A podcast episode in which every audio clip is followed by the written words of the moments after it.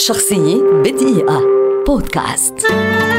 ولد الكاتب والروائي المصري نجيب محفوظ عام 1911 خطى أولى خطواته في رحلته الأدبية في عام 1939 فكانت أولى كتاباته تنشر في مجلة الرسالة وكانت عبارة عن مقالات وقصص قصيرة. أما أول رواية له فكانت حكمة خوفو والمعروفة أيضا باسم عبث الأقدار. ثم رواية كفاح طيبة ورادو بيس.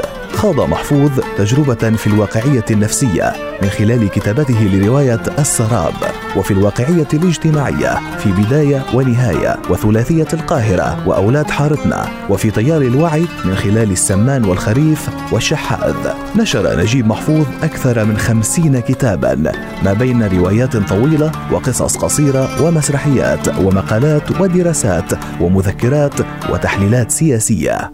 رحل عام 2006 وهو الذي كان أول عربي يفوز بجائزة نوبل للآداب. شخصية بدقيقة. بودكاست